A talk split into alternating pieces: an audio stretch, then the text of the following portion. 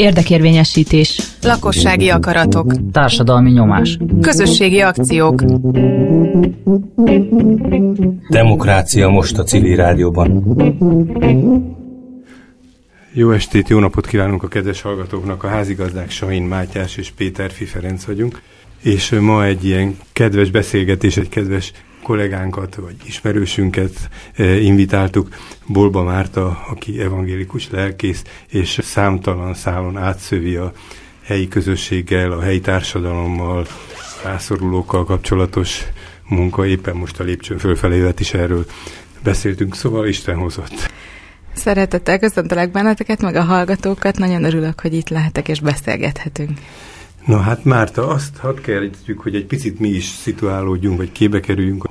Hogy lettél te evangélikus lelkész? Vagy hogy, hogy, hogy, hogy alakult az a helyzet, amiben most nagyon sok mindent csinálhatsz? Hát ez egy gyerekkori álom volt mindenkinek. Ezt kívánom, találja ki kilenc évesen, hogy mi akar lenni, tűzoltó meg katona, valaki evangélikus lelkész, és azóta is imádom ezt, úgyhogy nagyon örülök ennek. Hogy lettél evangélikus lelkész a nyolcadik kerületben? Hát az már olyan, hogy is mondjam, Isten keze, mert hogy nem ide készültem, doktori iskolába jelentkeztem, és aztán a Ferencvárosban, tehát a 9. kerületben ö, voltam az első ilyen beosztott lelkészi évemben, Kocor Tamás kollégámmal dolgoztam együtt, azóta is kedves barátom, szomszédok vagyunk, és akkor ö, hát idegoszteomlást kapott az a lelkész, aki a nyolcba volt, és ö, hát ott, ott nagyon-nagyon hirtelen a püspöknek meg kellett oldani ezt a helyzetet, és helyettesnek hívtak be, hogy akkor legyek kedves a 9-ből a 8-ba át, és hát akkor én, én ezért, én soprani vagyok, szóval semmilyen helyismeretem nem volt, csak azt tudtam a nyolcadik kerületről, amit úgy általában úgy a sztereotíp gondolkodásban van, az hát ilyen megképzett mitosza, igen, igen, szóval, hogy hát rettegtem rendesen, hogyan kell, akkor így a férjemmel oda merészkedtünk, kicsit így elsétáltunk ott a Baros utcán, hogy akkor ez milyen hely, és akkor ö, könyökölt egy néni a, a ablakban, ablakban, és akkor nézett, kérdeztem, hogy mi a helyzet, meg hogy hogy tetszik lenni, mi a néni neve, és akkor mondta én, itt csak azt várják, hogy meghalljunk. Ó, mondom, hát ez nagyon gyönyörű lesz. Viszont a vállam mögül meg egy srác rám köszönt. Szia, Márti! És akkor nem értettem, hogy most hozzám beszél, honnan tudja nevemet, hogy lehet ez? És kiderült, hogy ott van egy kollégium ebben a házban, a Mandák házban, annak a tetőterében, ahol az én volt soprani gimis ö, osztálytársaim, meg évfolyamtársaim, meg fej, felsőbb évesek, meg akikkel egy kórusban énekeltem akár 6-8 évig, ők ott a diákelnökség. Úgyhogy kinyitotta a kaput a srác, András, és akkor leültetett oda a padra, hozott egy pohár bort, és úgy éreztem, hogy akkor most itt megérkeztem. Hát akkor már ki is mondtad egy különös intézmény, tehát hogyha lelkészről beszélünk, templomra gondol az ember esetleg valamilyen paplakra, vagy valami olyan, de hogy itt egy nagyon különös helyzet van, ez a mandákház, ami hát azt hiszem, hogy nagyon sok mindenben hozzájárulhat ahhoz, hogy te olyan módon dolgozol, ahogy dolgozol. Egy kicsit ezt is mutassuk be, hogy mit jelent ez, meg mi is ez a elnevezés. Ugye a gyülekezet székhely az a Szentkirályi utcában van, ez itt a klinikák magassága a mhm. nyolcadik kerületben, ott a Szabó Ervin könyvtár környéke, itt is van egy templom, gyülekezeti terem, lelkész lakás, úgyhogy itt is van egy hely, és aztán volt egy örökhagyó, Mandák Máriának nevezték, a második világháború után örökös nélkül elhunyt, és az egyházra hagyta a vagyonát. Ez itt egy fuvaros ház volt, úgyhogy 70 éve megkapta a gyülekezet ezt a házat, és akkor mondjuk cselédlakások körbe az urak laktak ugye az utcafronton, és hátul is tellók voltak, és ezt alakították át. Kezdetben szükséglakásokká, majd idős otthonná, és akkor tálkápolnává, majd a rendszerváltás után a tetőterét, amikor megújították, akkor itt létesült egy diákszálláshely, úgyhogy akkor már ilyen több generációs együttlakásban működött ez, és aztán így kerültem oda tíz évvel ezelőtt, amikor is gyakorlatilag mondjuk az a változás volt a háznak az életében, akkor, akkor mondjuk nagyon-nagyon lepusztult állapotban volt ez az ilyen egyszintes ilyen parkszerű udvar körben 20 kis lakásra, így kell elképzelni, nagy sárga kapuval. Belső udvaros ház. Belső udvaros ház, ahol ilyen parkszerű nagy fák vannak, tehát 70 éve, hogy felszették a, a fuvarosok által ugye használt ilyen lekövezett udvar volt, felszették ezeket a köveket, és a, akkor a gyülekezetnek a tagja volt a Margit sziget főkertésze. Hmm. Reültette ott a kis farcsametéket, vannak róla még fényképeim, és ezek most már 70 éves óriási fák, nagyon szép fenyők, hásfa, almafák, nagyon ö, szeretek ott lenni. És az, hogy te vagy a lelkész, te vagy ennek a háznak a vezetője? Igen, és most létesült egy újabb telephelye a gyülekezetnek, ez a Dévai Fogadó névre hallgat. A 13. kerületi önkormányzattól bérelünk egy 600 négyzetméteres nagy helyet, ahol pedig a menekült munkánkat végezzük. Úgyhogy most három hely van, a Szentkirályi utca, a Karácsony Sándor utca és egy másik kerületben a dévai fogadó. És mind a három helyen te viszonylag rendszeresen, vagy szinte naponta megfordulsz, vagy... Hát nem vagy naponta, hanem azért így beosztással. Uh-huh. Tehát mindegyik a illetékességi területet. Így van, tehát hogy, hogy a gyülekezetnek ugye paritásos vezetése van, ami azt jelenti, hogy az elnöktársammal, Kejszágostonnal együtt vezetjük a gyülekezetet, aminek van presbitérium a közgyűlése, tehát ez egy szintén egy demokratikusan szerveződő közösség, egy evangélikus gyülekezet, és akkor a gyülekezetnek vannak különböző tevékenységei, hitéleti tevékenységei, hitoktatása, lelkipásztori szolgálatok a temetőesküvő keresztelő témakörben, lelki gondozás, kiscsoportfoglalkozások, bibliai ismereti foglalkozások, ilyesmi, és vannak szociális területen is tevékenységei, két területen alapvetően, az egyik az ilyen lokalitásban szerveződő dolog, ami a közösségszervezésnek az eszköztárával dolgozik,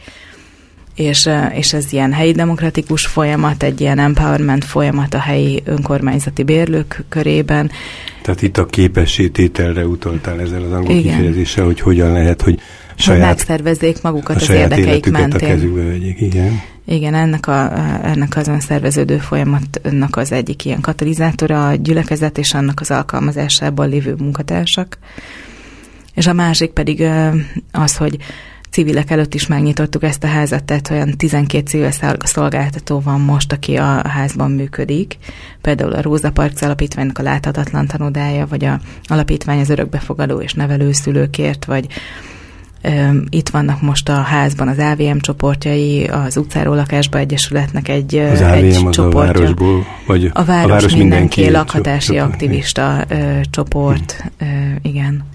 Úgyhogy Úgyhogy elég sok szolgáltató talált otthonra nálunk, most éppen átmenetileg a Deviszont közösségi tér is, ami ilyen a, a felszabadítás pedagógiájának az eszköztárával középiskolások ö, kal ö, beszélgetnek, csoportoznak. Hát itt tulajdonképpen, amiket elmondtam, mindegyikről egy önálló estét lehetne szervezni, mm. és a, a Rosa Parks alapítvány működésében erről, a, erről az iskoláról egyszer már egy külön alkalommal beszéltünk is, ami nagyon izgalmas volt.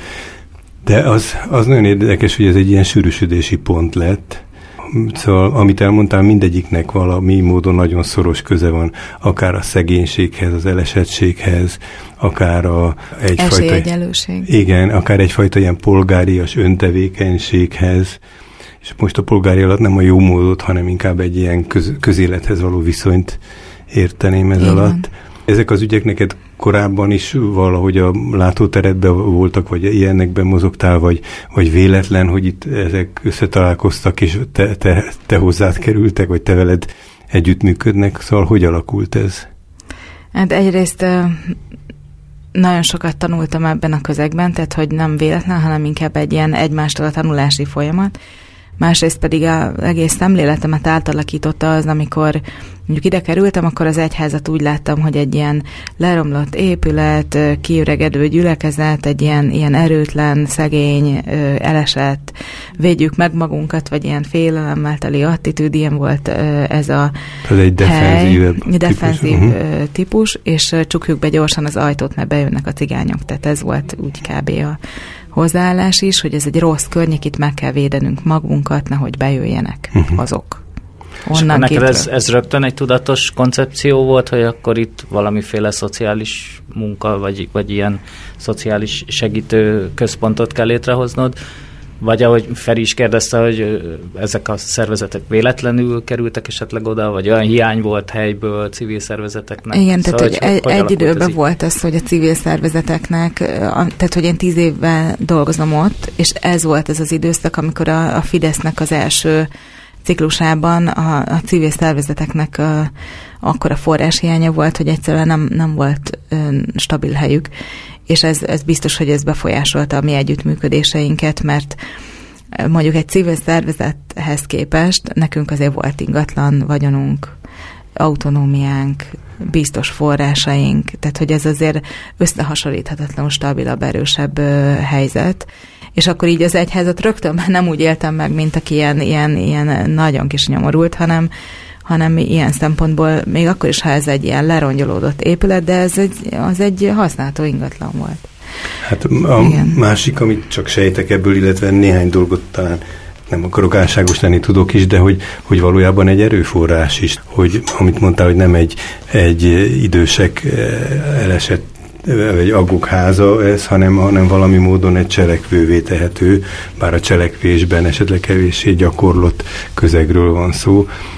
Szóval, de ezeket, amiket elmondtál, egy vagy két ilyen intézménnyel való együttműködés is teljes embert kívánhat, és hogy ez egyszerre ilyen sűrűsödésben itt nálatok megtalálható, ez egy különös dolog. Tehát neked nyilván azért valamilyen affinitásod, vagy valamilyen érdeklődésed volt. Szóval hogy, hogy kerültél te ide? Egyébként a, a korábban a világi életben, mielőtt lelkészletél, akkor is ilyen szoros viszonyban voltál a civilekkel, illetve a esettekkel, vagy, vagy ez közben alakult? Hát én ugye mert rögtön lelkész lettem, tehát hogy nem volt előző szakmám. Uh-huh. Tehát, ö, ahogy, gyerekkorodban lelkész. Gyerekkoromban is lelkész akartam lenni. Elmentem amúgy az ELTE magyar szakára, tehát hogy magyar nyelves irodalom tanári Aha. oklevelet is szereztem, de nem voltam soha tanár. Uh-huh.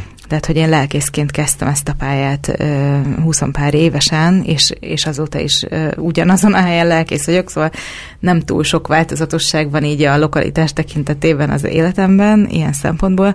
Tehát, hogy én szeretek ott gyökeret ereszteni, ahol vagyok, ezt Sopronból hozom különben, mert hogy hogy ott azért egy kisváros életben az nagyon tetszett nekem, hogy én ismerem a szomszédokat, és azért ez, ez, erre én törekedtem is, hogy itt is ismerjem meg azt, hogy hol vagyok, kikkel vagyok, és ők mit csinálnak, mit tartanak fontosnak, és, és én tényleg térképpel kezdembe így járkáltam föl alá, meg akartam tanulni azt a helyet, ahol vagyok, és, és ez ahhoz, ahhoz vezetett el, hogy, hogy tényleg szisztematikusan minden szervezettel felvettem a kapcsolatot, és, és bemutatkoztam, és megkérdeztem, hogy miben tudnánk együttműködni. És azért mondták is, mert hogy, mint mondtam, ez az a korszak volt, amikor szociális problémából mondjuk nem lett kevesebb, de erőforrásból meg, meg hát nagyon, és, és a tizedére zsugorodtak ezek a szervezetek egyik pillanatról a másikra, és mondták, hogy miben lehetne együttműködni, és így a Város Mindenki csoport aktivistái, ott akkor Horváth Csillával és Misetics Bálintal találkoztam el elsőnek, mert hogy a Szent Királyi utcában volt a az ő, ő székhelyük is, bár nem lokális szervezet, tehát nem nyolcadik kerületi, hanem Igen. lakhatási aktivista, csak hát mégiscsak nyolcadik kerületben voltak, úgyhogy őket is megkerestem. És rögtön el is mondták egyébként, hogy miben tudnék segíteni, és már rögtön egy tüntetés színpadán találtam magamat. Az Alkotmány Nem Játékcsoport szervezett egy tüntetést, és akkor felkértek felszólalóként, mert tudatos koncepció volt, hogy lelkész vagy teológiai szempont, Jézus követő ember is hangot kapjon ott, tehát az, ugye az alkotmány nem játékcsoportnak több ilyen, ilyen demonstrációja is volt akkor, amikor sok alkotmánymódosítás történt egymás után, ami ilyen jogokat vont el, a hajléktalanoknak a vegzálását tette lehetővé, a szegregáló oktatást tehet, tette lehetővé, és akkor ez, ezek ellen, vagy hát fel kellett szólalni, és akkor ott hip-hop kerültem én ö, színpadra, mindenféle gyakorlat, vagy ilyen, hogy is mondjam, társadalmelméleti háttértudás nélkül, és és hát ott akkor így nagyon ö, intenzíven elkezdtem utána olvasni ennek. Azért egy bölcsész semmi más nem tud, de igazából olvasni azt igen.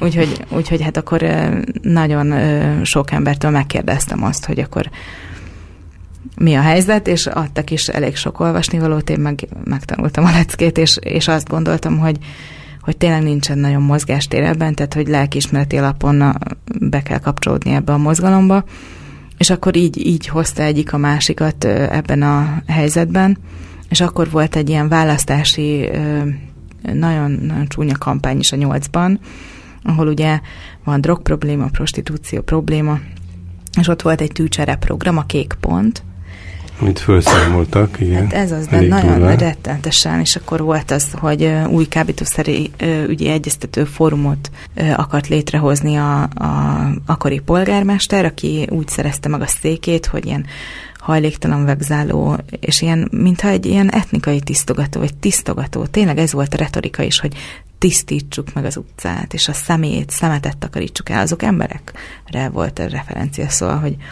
túl sok a hajléktalan az utcákon, és tisztítsuk meg az utcát, túl sok a drogos, tüntessük el a drogosokat, az azt jelenti, hogy szüntessük meg a szolgáltatásokat. Máshova menjenek. Igen. Tehát nem a, nem Mint a problémát... a szolgáltatók vonzották volna uh-huh, oda a szociális uh-huh. problémát, nem fordítva, hogy ott van a probléma, és akkor tartsunk életben embereket, ameddig nem tudnak mondjuk kigyógyulni a szenvedélybetegségből, vagy az ugye egy alacsony küszöb, akkor a szolgáltatásba irányítás, az aktív segítségnyújtás, de de volt egy ilyen, ilyen nagyon gonosz és iszonyatosan alpári fasiszta retorika, és, és akkor ebbe csöppentem bele, és volt egy olyan kérés felém, hogy legyek tag az új kábítószerügyi egyeztető fórumban.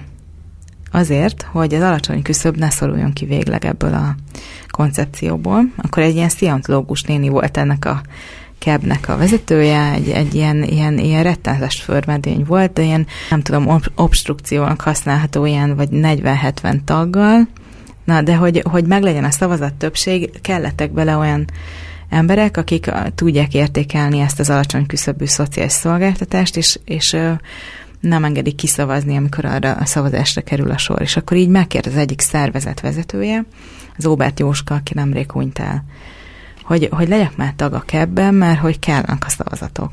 És akkor én, nekem ez morális dilemma volt, mert akkor az ugye az új stratégián az aláírásom ott lesz, tehát egyrészt legitimálok valami borzasztót, igen. másrészt meg maga a szolgáltatók kéri, hogy legyek tag, hogy, hogy legalább átnyomják a minimális működéshez szükséges dolgokat.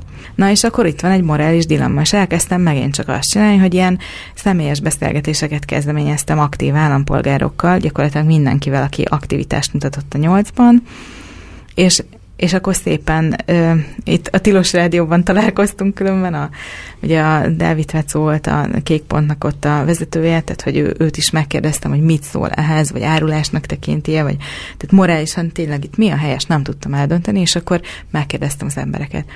Na, végül is az lett a ö, így közös bölcsesség, hogy legyek tag, és akkor jelentkeztem ebbe a dicső testületbe, és nem is szavazták meg, hogy legyek tag, vagy nem. Tehát nem, soha nem tűzték ki a ö, nem szavazásra, hogy megszavazzanak engem.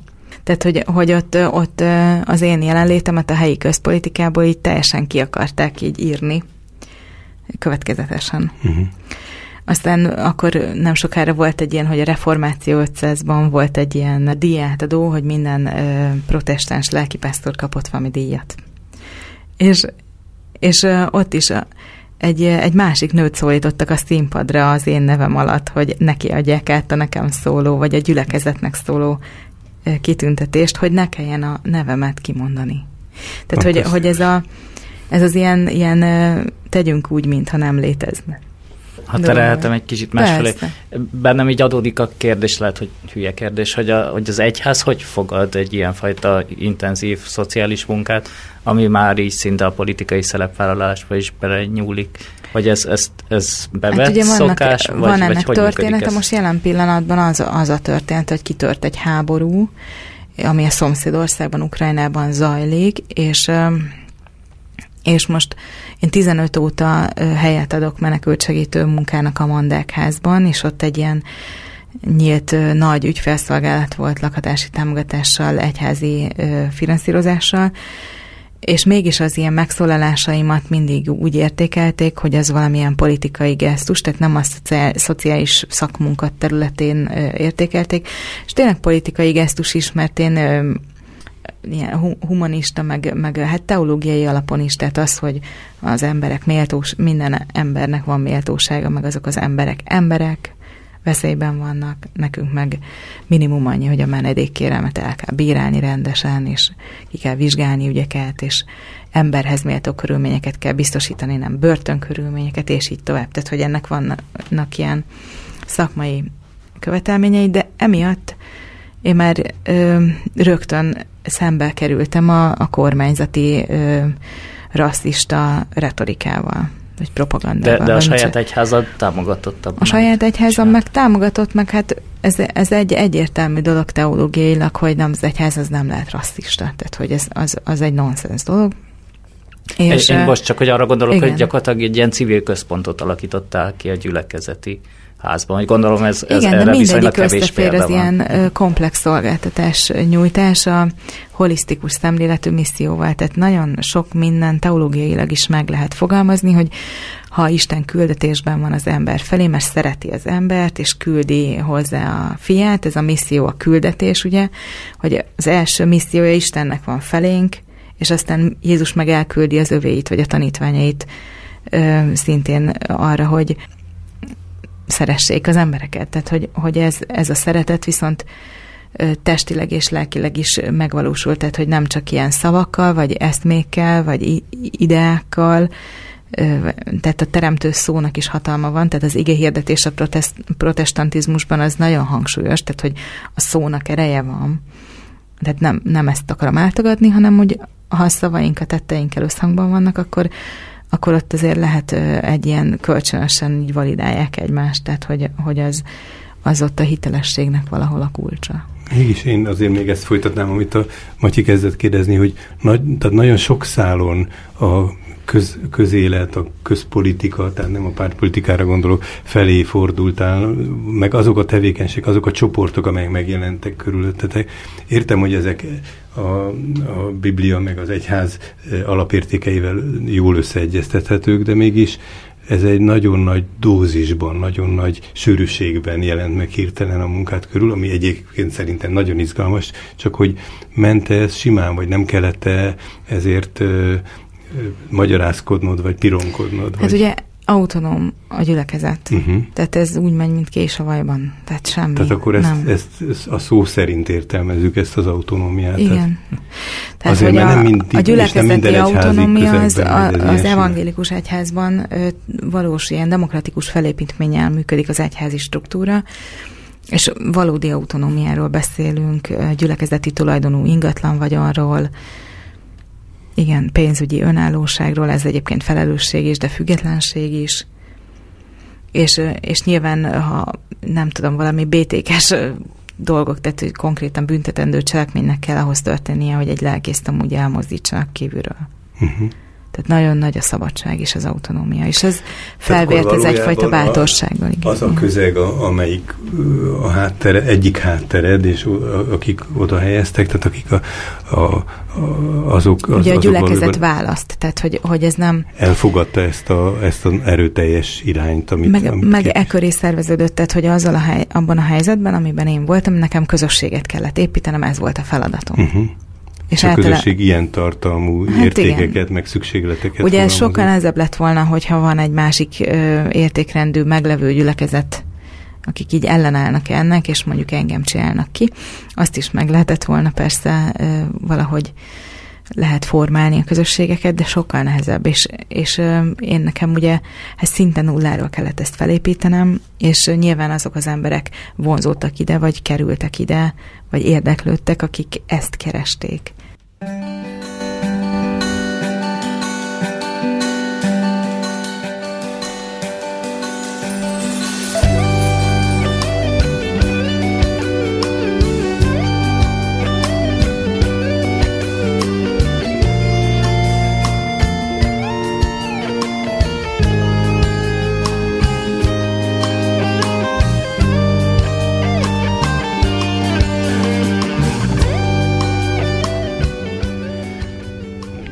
Beszélgetünk tehát, hogy a Mandákházban, a Józsefvárosban, illetve a Józsefvároshoz kapcsolódó más ilyen egyházi intézményekben milyen tevékenység az, amit, amit mai vendégünk Bolba Márta kezdeményezett, illetve valójában az esetek nagy részében a környezet kezdeményeztette ennek befogadója, vagy elfogadója, vagy támogatója, segítője voltál, és egy kicsit hitetlenkedve ültünk, és még a zene alatt is ezt megszólítottuk, hogy a, hogy a szuverenitás, vagy az autonómia az ilyen betű szerint is érthető-e, nem, mert nem ehhez szoktunk mondjuk nagyon finoman szólva. A világi életben sem, meg talán az egyházi közegben is ö, úgy tűnik, hogy nagyon nehéz dolga van azoknak a mi benyomásaink szerint, akik, akik ilyen útra lépnek. És ez a, elmondtál sok mindent abból, hogy, hogy hogyan adódott, és az egyik ügy hogy hozta a másikat, és az egyik ember a másikat, az egyik közösség a másikat. És akkor egyszer csak volt egy olyan helyzet, amikor a, a helyi közéletben egy sokkal nagyobb kihívást támadt, amikor egy, egy önkormányzati képviselő kilépett, hogy szóval valamilyen módon megszűnt az ő szerepe, új képviselőválasztás történt, és te elindultál képviselőjelöltként. Ez egy, ez egy nagy bátorság, úgy gondolja az ember, hogy ebben a közegben és ebben a szerepben, és nem is mondom, hogy és, szóval, hogy volt ez, amikor te hirtelen ezt a kihívást elfogadtad? Hát ugye előtte már volt egy olyan közéleti kör, között civil társaságnak mhm. nevezzük, neveztük ezt, ami hetente találkozott, és helyi közügyeket szisztematikusan végigbeszéltünk, és szintén ilyen közösségi érdekérvényesítő módszerekkel próbáltuk feltárni, és nem tudom, segíteni a, a helyi ügyeket. Egy pillanatra csak akkor képzeljük ezt úgy azok alapján, ahogy mondtad, hogy, hogy a mondákházban ott tulajdonképpen folyamatos párbeszédek zajlanak a legkülönbözőbb sarkokban, termekben, helyekben, vagy az udvar bizonyos részeiben. Ezt, ez, ezt jól gondoljuk, hogyha kívülállóként így látszik, hogy ott, ott nagyon sokféle ügyben állandóan összejönnek emberek, akik elkezdenek a saját életükről beszélni. Igen. És ez, ez itt téged tulajdonképpen jellemző. szinte spontán módon, azt mondod? Mondod? Igen, én voltam ennek a között civil társaságnak az elnöke. Persze ez azért is volt, mert ez egy fricska volt valójában. Tehát nem azért, mert én voltam a legkompetensebb, sőt, hanem azért volt, mert azért mégiscsak egy státusszal bíró helyi evangélikus lelkipásztor volt ennek a közéleti körnek a reprezentánsa, és ez adott a helyi Fideszes városvezetésnek egy ilyen feladott leckét, hogy most ezt, ezzel mit csináljon? Tehát, hogy hogy közélettel foglalkozik egy vallási szereplő, akkor, akkor egy kicsit megzavartuk szerintem ezeket a, a szokásos szerepleosztást. A rendszert egy kicsit. I- igen, ez tetszett nekem nagyon. És hát nagyon-nagyon gyakorlatias dolgokról kezdtünk el beszélgetni, tehát hogy hogyan számláznak a önkormányzati tulajdonú bérlakóknak rezsit, tehát hogy mi, mi, hogyan tudnak ők ügyintézni, akkor volt egyszer egy ilyen túlszámlázás, ilyen rezsi túlszámlázás, minden száz, száz család megkapott családonként 700 ezer forintos többletszámlát és ezeket behagyták. Ezek nagyon komoly érdeksérelmek Igen, akkor. és akkor ezeket hat évig próbálták maguk a lakók így felgöngyölíteni, aztán mi is próbáltunk segíteni, és végül is ugye nagy ö, bocsánatkérés, hogy akármi nem volt, meg akiket ugye kilakoltattak, mert nem tudták ezt kifizetni, nem azokat nem kár, kárpótolták, de a de az lett a vége, hogy lelakhatták, tehát jóvá írták ezeket az összegeket. Uh-huh.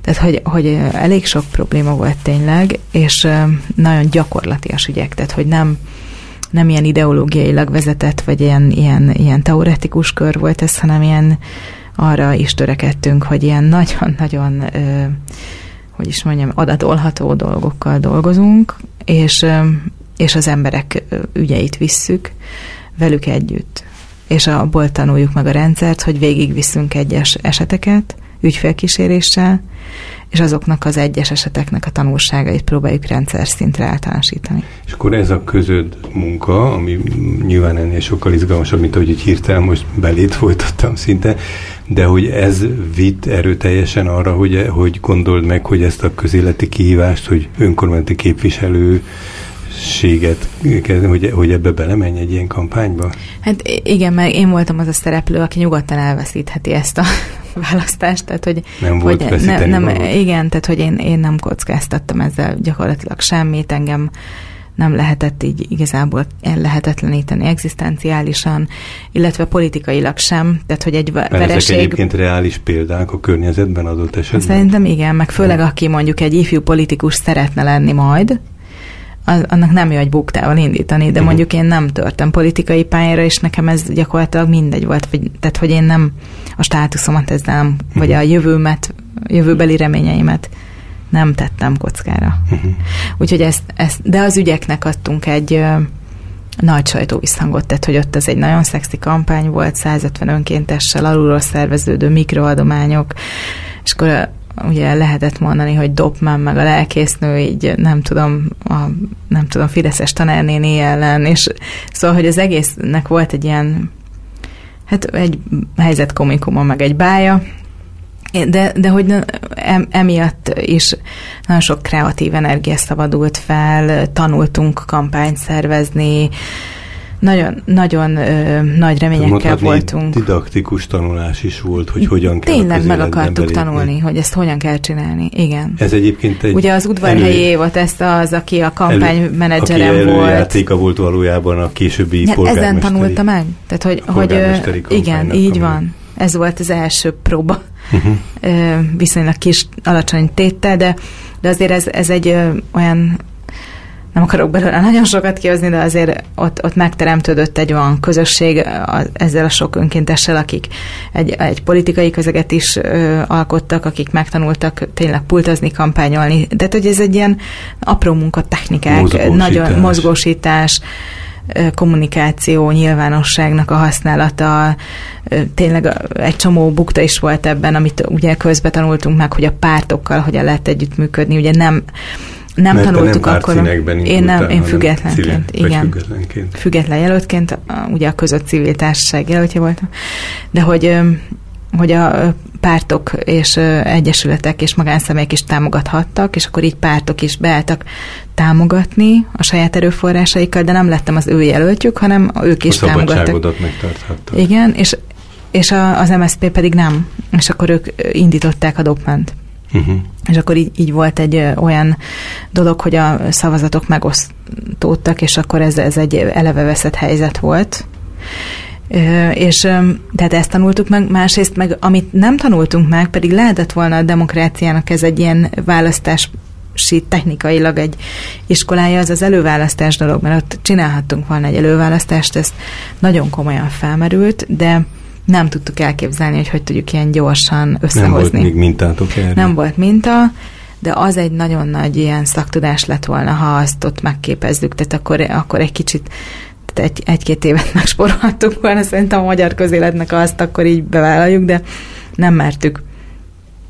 Nem tudtuk elképzelni, hogy, hogy ez működhet. Viszont amit megtanultatok, az e- elég volt ahhoz, hogy hogy megváltozzon a helyzet a Józsefvárosban. Hát, igen, tehát hogy ez, ez volt az alapja annak, hogy másodjára már tudtuk, hogy, hogy, hogy muszáj a pártokkal együtt, tehát hogy, hogy nem lehet, hogy egymásra indítunk jelölteket, és akkor ugye a Győri Péternek a jelöltsége volt. Ez a másik, a polgármesteri a, Igen, az időközi polgármesteri, az is egy buktalát, de őnek is, ő is egy olyan jelölt volt, aki már nyugdíjas korú volt, és és el, nem valójában valója igen, szintén. tehát hogy neki is ez, Milyen ez, érdekes, ez egy megengedhető dolog volt. Vigyáznia kell, hogy ne legyen veszíteni Nagyon valója. nagy a kockázata hm. ennek, igen, nagyon nagy.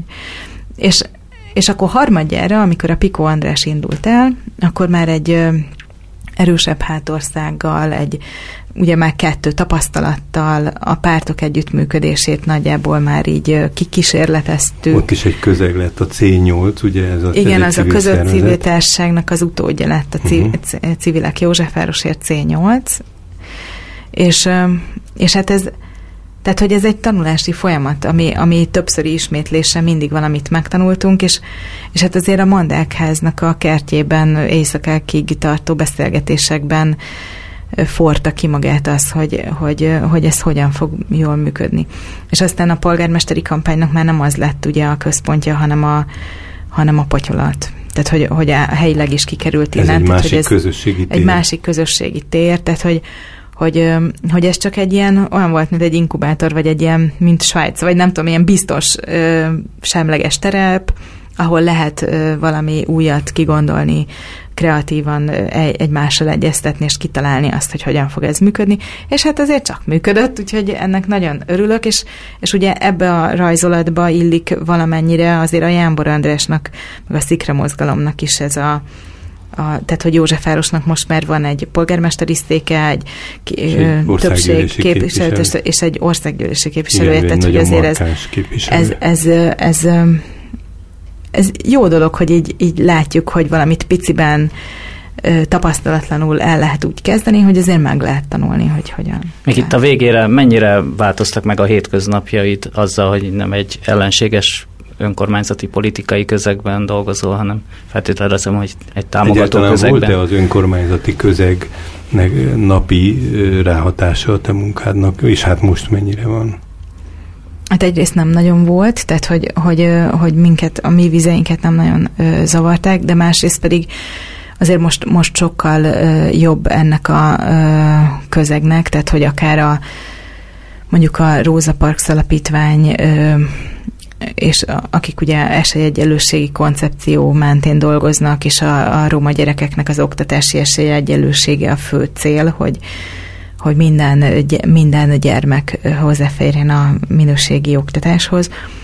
Ugye ők, az ő nekik a szakmai koncepciójuk érvényesült az óvodai deszegregációs tervben, ami ugye önkormányzati hatáskör. Tehát, hogy egy civil kezdeményezés a kerület egészében egy valid, egy érvényes szemponttá vált, erre gondolsz? Igen, és, és mondjuk a, a bérlői érdekvédelmi csoport, ami most bérlői érdekvédelmi közösség Józsefvárosi bérlőket tömörít, rendszeresen találkoznak a bérlők az önkormányzati képviselőkkel, polgármesterrel, gazdasági hivatallal, Józsefvárosi Gazdálkodási Központtal, és igyekszünk valamilyen valós struktúrális megoldásokat találni, hogy jobb minőségben kezelje a saját ingatlan vagyonát a kerület, és ezzel elismeri a lakhatási szolgáltatást, mint egy alapvető közszolgáltatást, és, és ebben is partner az önkormányzat, de mondjuk azért itt is tanulási folyamatról beszélünk, tehát hogy, hogy azért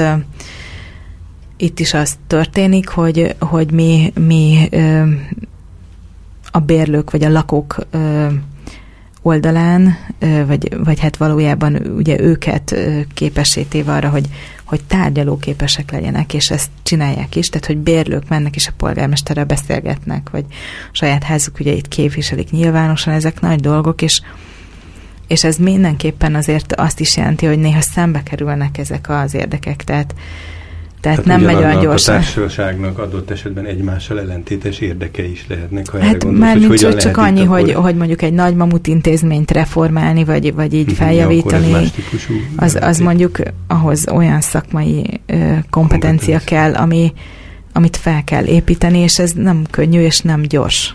Márta, itt a, nagyon kevés az időnk, és tudom, hogy az egyik legnagyobb ö, kapacitású tevékenységed mostanában az a, a ukrajnai háború és már tettél erre utalást az ukrán menekülteknek a segítése, ezért erről most külön nem kérdeznélek, mert erről erre, ez tényleg külön misét és külön beszélgetést érdemelne, de úgy, ha, ha ez most mondható, és nem tűnik nagyon ilyen pamfletnek, hogy de azon kívül, hogy mi minden foglalkoztat, most mit csinálsz most, nem mintha ez nem lenne elég, de nem tudom elhinni, hogy te most csak úgy nyugodtan ülsz, és, és legfeljebb csak az ukrán ügyel foglalkozol. Hát találkoztam a tanítási gyakorlatoddal, egyetemistákat tanítottál, találkoztam azzal, hogy, hogy van egy az egyházi körben szerveződő civil szerveződés, amelyikben szintén, mintha gyakrabban a nevedet a levelezésben látnám. Szóval mi az, ami most ami a mostanában foglalkoztat, amit csinálsz az ukrán ügyön kívül, ami mondom önmagában is egy nagy, bőven elég lenne. Hát most egyszerűen azon, azon próbálok dolgozni, hogy, hogy vagy ami a legjobban foglalkoztat, az az, hogy, hogy egy valóban ilyen ember közelben lévő helyzetben hogyan lehet embereket felvértezni olyan demokratikus készségekkel, amelyel mondjuk ők maguknak szerveznek, vagy, vagy alakítanak, választanak olyan tisztségviselőket, akik tényleg az ő érdekeiket képviselik. Tehát én, én engem feldühített nagyon az, amikor, amikor mondjuk a egyes helyeken választási kampányok alatt csak ilyen, ilyen plakátkiragasztás, vagy social media kampány, vagy ilyen szavak szintjén láttam azt, hogy ezek baloldaliak, vagy, vagy a társadalmi elkötelezettségük van, vagy ilyesmi, de hogy nincsenek valós kapcsolatok házról házra, embertől emberig, és amíg ez nincsen, addig nincsen demokratikus közélet meg közösség. Úgyhogy ez engem nagyon foglalkoztat azt, hogy, hogy valóban alulról jövő közösségekben tényleg a húsba vágó kérdésekről hogyan lehet úgy beszélni, hogy közben azok szeretetteljes közösségek, amik élnek közösségi életet, és ennek vannak nyilván kulturális, meg közéleti, meg közösségi együttélés, meg mindenféle dimenziói, és,